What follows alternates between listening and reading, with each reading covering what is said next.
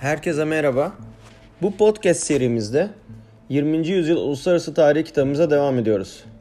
İkinci bölüm Chapter 2 Avrupa'da istikrarı aramak 1917-1929 The Search for European Stability 1917-29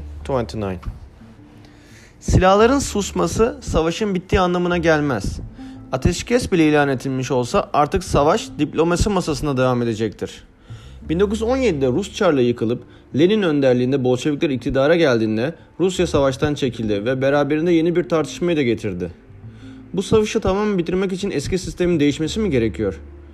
Belki de çalışan sınıfın devrimleriyle barış gelecektir. Şaşırtıcı bir şekilde Amerikan Başkanı Wilson da Concert of Europe dediğimiz sistemin yerine daha çoğulcu, şeffaf bir uluslararası organizasyon ile barışın temin edilebileceğini savunuyordu. Bu bölümde 1917'den 1929'a Avrupa'da barışın sağlanması için neler yapıldığını ve başarılı mı yoksa başarısız mı olduğunu tartışacağız. 1917 senesinde hem cephe hem de diplomasi kilitlenmiş ve geleceğe yönelik hiçbir ilerleme sağlanamıyordu. Kilidin açılması için ilk hareket Rusya'dan geldi. Mart 1917'de çıkan protestolar sonucu geçici hükümet ve Petrograd İşçi Sovyetleri adıyla iki hükümet kuruldu. Geçici hükümet savaşa devam edilmesi gerektiğini ve Osmanlı üzerine yürüyerek Boğazlar ve İstanbul'un ele geçirilmesini savunuyordu. Savaş yorgunu Rus halkının sesini dinleyen Petrogradlar self-determination denilen politikayı savunarak savaştan çekilmek istiyordu. Amerikan Başkanı Wilson'a atfedilen self-determination teorisine göre her ulus kendi ulus devletini ve çoğunlukta olduğu bölgeyi kendilerinin yönetmesi gerektiğini savunur. Avrupa işçi partilerinin savaşı bitirme çağrısı yapmak için organize ettikleri Stockholm toplantıları müttefikler tarafından engellendi. Nihayet Kasım 1917'de Bolşevikler barış, toprak ve ekmek sloganıyla iktidarı ele geçirdiler. Lenin'e göre Birinci Dünya Savaşı uluslararası kapitalizmin yayılmacılığı yüzünden çıkmıştı ve kapitalizm kendi kendini bitiriyordu. Eğer işçi devrimleri devam ederse tüm dünyada burjuvazi yıkılır ve temelli barış gelebilirdi. Bolşevikler Kasım 1917'de tüm, tüm düşman ülkelere ateşkes ilan etti ve müttefiklerin aralarında yaptığı gizli anlaşmaları bir bir ifşa ettiler. 9 Şubat 1918'de Rusya Brest-Litovsk anlaşmasını imzalayarak Polonya, Baltıklar, Ukrayna, Finlandiya ve Kafkasya'dan çekildi. Rusya bu anlaşmayla toplam tarımsal toprağının ve nüfusunun 1 bölü 3'ünü ve demir ve kömür madenlerinin %80'ini kaybetti. Her ne kadar bu anlaşma Rusya için bir hizmet olarak görünse, göründüyse de Lenin'e göre Rusya toparlandığı gün bu anlaşmanın şartları tekrar değiştirilecekti. Lenin'in Decree of Peace dediğimiz barış çağrısına Amerikan Başkanı Wilson zafer olmadan barış diyerek katıldı. Her ne kadar Lenin'e göre barış işçi devrimleriyle gelecekse de Wilson'a göre eski usul, kuralsız, kapalı kapılar ardından yürütülen Avrupa uyumu dediğimiz Concert of Europe sistemi yerine Amerika'nın liderliğinde uluslararası bir sistemin gelmesi gerekiyordu. Amerika'ya göre Almanya militarist bir devletti ve eğer savaşı Almanya kazanacak olursa Amerika kendini savunmak için militarist bir devlete dönüşmek zorunda kalacaktı. Bu yüzden müttefikleri önce ekonomik olarak destekleyen Amerika 1917'de savaşa bizzat katıldı. Amerika'nın ekonomik desteğiyle toparlanan müttefikler sadece 80 bin Amerikan desteğiyle savaş ilerlerine çevirdiler. Amerika'nın topyekun saldırıya geçmeyip dolaylı olarak destek vermesinin nedeni Amerika'nın yeni kurulacak düzenle ara bulucu olarak kendini konumlandırmak isteğiydi. Wilson 8 Ocak 1918'de 14 Points isimli yeni dünya dizinin anlattığı bir konuşma yaptı. Bu 14 maddenin amacı Lenin'in devrimsel çağrısına karşı bir cevap vermek ve savaş öncesi yapılan gizli paylaşım anlaşmalarını değiştirmek isteğiydi. Wilson'ın en önemli dayanıkları self-determination ve collective security idi. Collective security dediğimiz kavram devletlerin olsa hareketlerine, örneğin işgal bir girişimlerine karşı uluslararası bir kamuoyu baskısı oluşturarak set çekmekti. Bu kavrama istinaden önce Milletler Cemiyeti, daha sonra Birleşmiş Milletler kurulmuştur. 1919'da kurulan League of Nations, Türkçe adıyla Milletler Cemiyeti, savaş sonrası barışın sürdürülebilirliği için ekonomik ve silah, silahsızlanma konularına konferanslar düzenleyerek ve uluslararası kamuoyu desteğiyle barışı sağlamaya amaçlıyordu. 1946 yılında yerine Birleşmiş Milletler United Nations kurulmuştur. Wilson'ın istekleri İngiltere ve Fransa'yı çok rahatsız etti.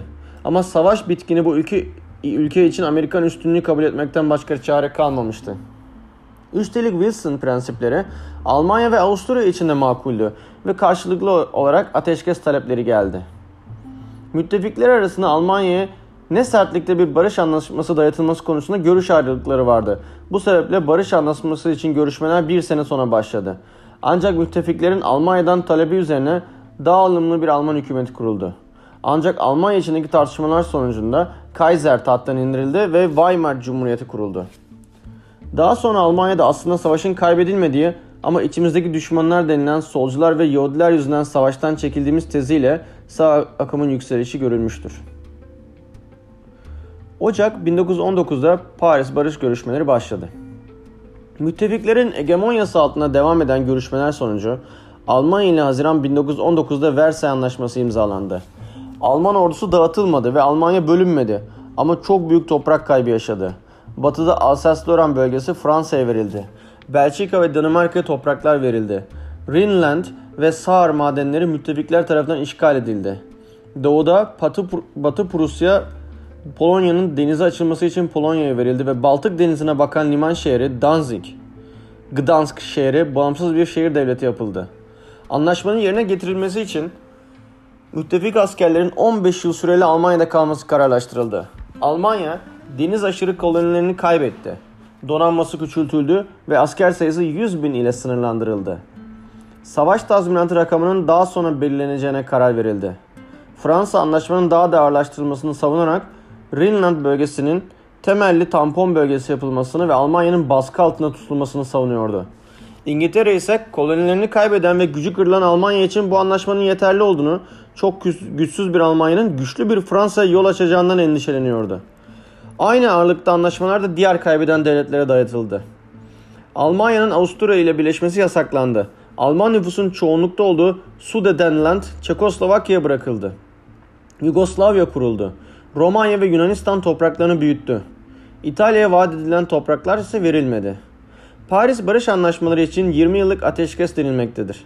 Bütün bu çizilen yapay sınırlar daha sonraki çalışmaların tohumları oldu. Paris'e ilk tepki Amerikan Senatosu'ndan geldi ve Amerikan Senatosu Almanya ile imzalanan Versay Anlaşması'nı kabul etmedi. Şaşırtıcı bir şekilde izolasyonist politikaları savunan Senato üyeleri yüzünden Amerika Milletler Cemiyeti'ne de katılmadı. Her ne kadar Amerika'nın dünyadaki finansal güç olarak ağırlığı devam etse de savaş sonrası barışın korunmasına katkı vermemesi de barışın sürmemesine sebep gösterilmektedir. Sovyetler de kendi içinde yaşadığı Kızıl Ordu ve Beyaz Ordusu arasındaki iç savaş, Brest-Litovsk sonrası kaybedilen topraklar, devrim çağrısının Avrupa'da karşılıksız kalması nedenleriyle hayatta kalmak adına kabuğuna çekilme kararı verdi.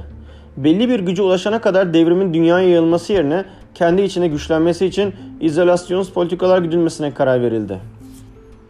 Amerika'nın sahneden çekilmesi ve İngiltere'nin de güç dengesi gereği Fransa'yı Almanya'ya karşı desteklememek istemesi üzerine müttefikler arasında soğukluk başladı. Bu soğukluk Türk Kurtuluş Savaşı'nda belirgin hale geldi. Sevr Anlaşması'nı kabul etmeyen Mustafa Kemal liderliğindeki Türk milleti İngiliz destekli Yunanistan'a direnirken Fransa ile anlaşarak Fransa'nın Anadolu'dan çekilmesini sağladı. Fransa'nın Anadolu'yu terk etmesi İngiltere'yi yalnız bıraktı. Keza İtalya da İngiltere'nin yanında değildi.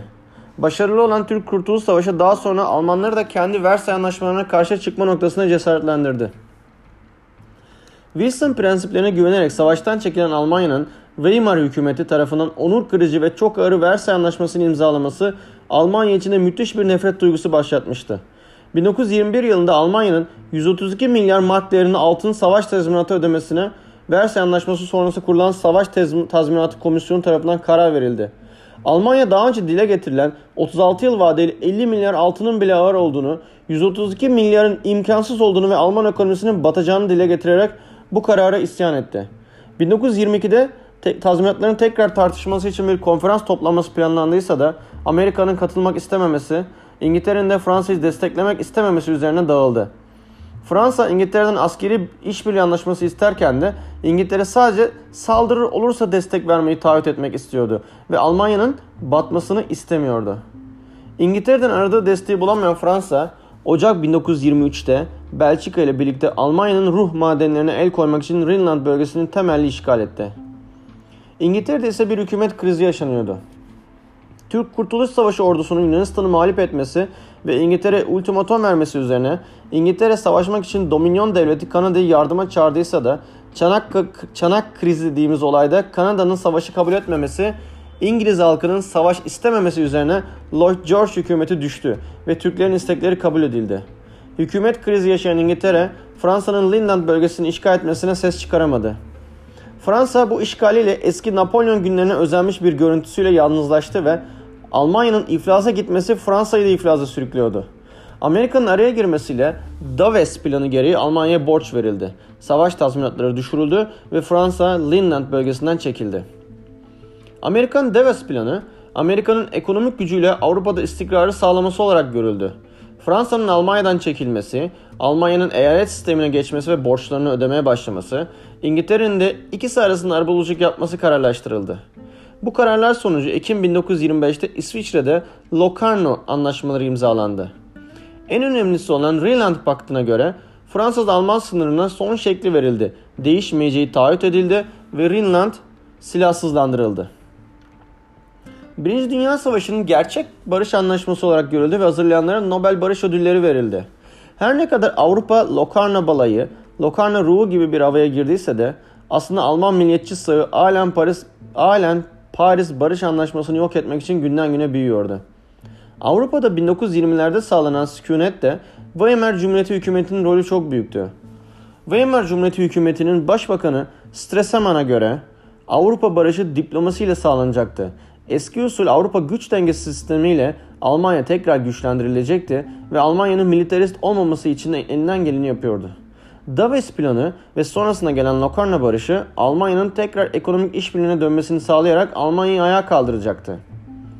Locarno barışı ile Almanya batı sınırlarını kabul etse de henüz doğu sınırlarını kabul etmemişti ve olası bir Rus-Polonya çalışması sonrasında doğu sınırlarının da Almanya lehine düzeleceğini umuyordu. 1928'de Fransa'nın üsteği üzerine Kellogg-Briand Paktı'nı imzalayan devletler sorunların çözümünün savaş olmadığını taahhüt ettiler. İki savaş öncesi, iki savaş arasında idealist bir dünya düzenini gösteren bu paktın aslında içi boştu. Sadece statükonun devamı için göstermelik bir Fransız girişimiydi. Belki de her şey planlandığı gibi gidebilirdi. Almanya ekonomik olarak ayağa kalkar, Fransa ve Almanya arasında belli bir güç dengesi sağlanır ve dünya barışı devam edebilirdi. Ama 1929 Amerikan Büyük Buğranın etkileri tüm dünyaya yayıldı. 1929'da Amerika'nın Almanya'ya ilave kredi vermesi ve savaş tazminatlarını düşürmesinin teklif edildiği Young planı hem Almanlar hem de Fransız ve İngilizler tarafından reddedildi. Alman toplumu düzelmenin bu kadar yavaş ilerlemesini kabul etmiyordu. Özellikle 1918'de hem kapitalizme hem de Marksizme karşı kurulan Alman İşçi Partisi yani Nazi Partisi Adolf Hitler liderliğinde taraftar topluyordu. Büyük buhran öncesi günümüz Avrupa Birliği'ni andırır şekilde gümrük tarifelerinin indirilmesi tartışılıyorken ekonomik kriz sonrası ülkeler işbirliğini tercih etmek yerine korumacı politikalarla kendi üretimlerini rekabetten korumak için gümrük tarifelerini yükselterek birbirlerinden uzaklaştılar. Ve en sonunda 1933 yılında Almanya'da Nazi Partisi iktidara geldi. Stresemann'ın yıllar önce Polonya sınırı için düşündükleri onun düşündüğü gibi büyük güçlerle birlikte diplomasi masasında değil Hitler ve Stalin'in birlikte Polonya'yı parçaladıkları masada şekillenecekti. Bu bölümün sonuna geldik. Bir sonraki bölümde Avrupa'ya ara veriyor ve uzak doğuya giderek Japonya, Çin, Pasifiklerde 2. Dünya Savaşı'na giden yolu araştırıyoruz. Bu bölümün tartışma konusu ise şu şekilde. İkinci Dünya Savaşı'nın çıkmasıyla Paris Barış Anlaşması arasında bağ olduğu söylenir. 1920'lerde sıkça yapılan tartışmalarda Paris Barış Anlaşması için gereksiz sert ve Fransa'nın istekleri üzerine cezalandırıcı bir anlaşma olarak hazırlandığı söylenilmiş ve daha sonraki dönemlerde 2. Dünya Savaşı'nın çıkış nedeni olarak gösterilmiştir. 1960'larda ise Soğuk Savaşı'nın etkisiyle akademisyenler Paris Barış Anlaşması'nın sert olmasının nedeninin sosyalizmin Avrupa'ya girmesinin engellenmesi için bir güç gösterisi olarak görmüştür. 1970'lerde ise Fransız arşivlerinin açılması üzerine yapılan araştırmalarda lanse edildiği gibi Fransa'nın sert değil esnek olduğu özellikle savaş tazminatları konusunda İngiliz ve Amerikalıların daha sert olduğuna dair belgelere ulaşılmıştır. Bu yüzden bazı tarihçilere göre çok farklı nedenlerden dolayı ortak bir uzlaşı bularak bir barış anlaşması olarak Paris Barışı'nın makul olduğu ve yapılabilecek en iyisi olduğunu söylerler. Bu barışı hazırlayanlar 2. Dünya Savaşı'na veya Hitler'in iktidarına yol açmamıştır. Bu konuda siz ne düşünürsünüz?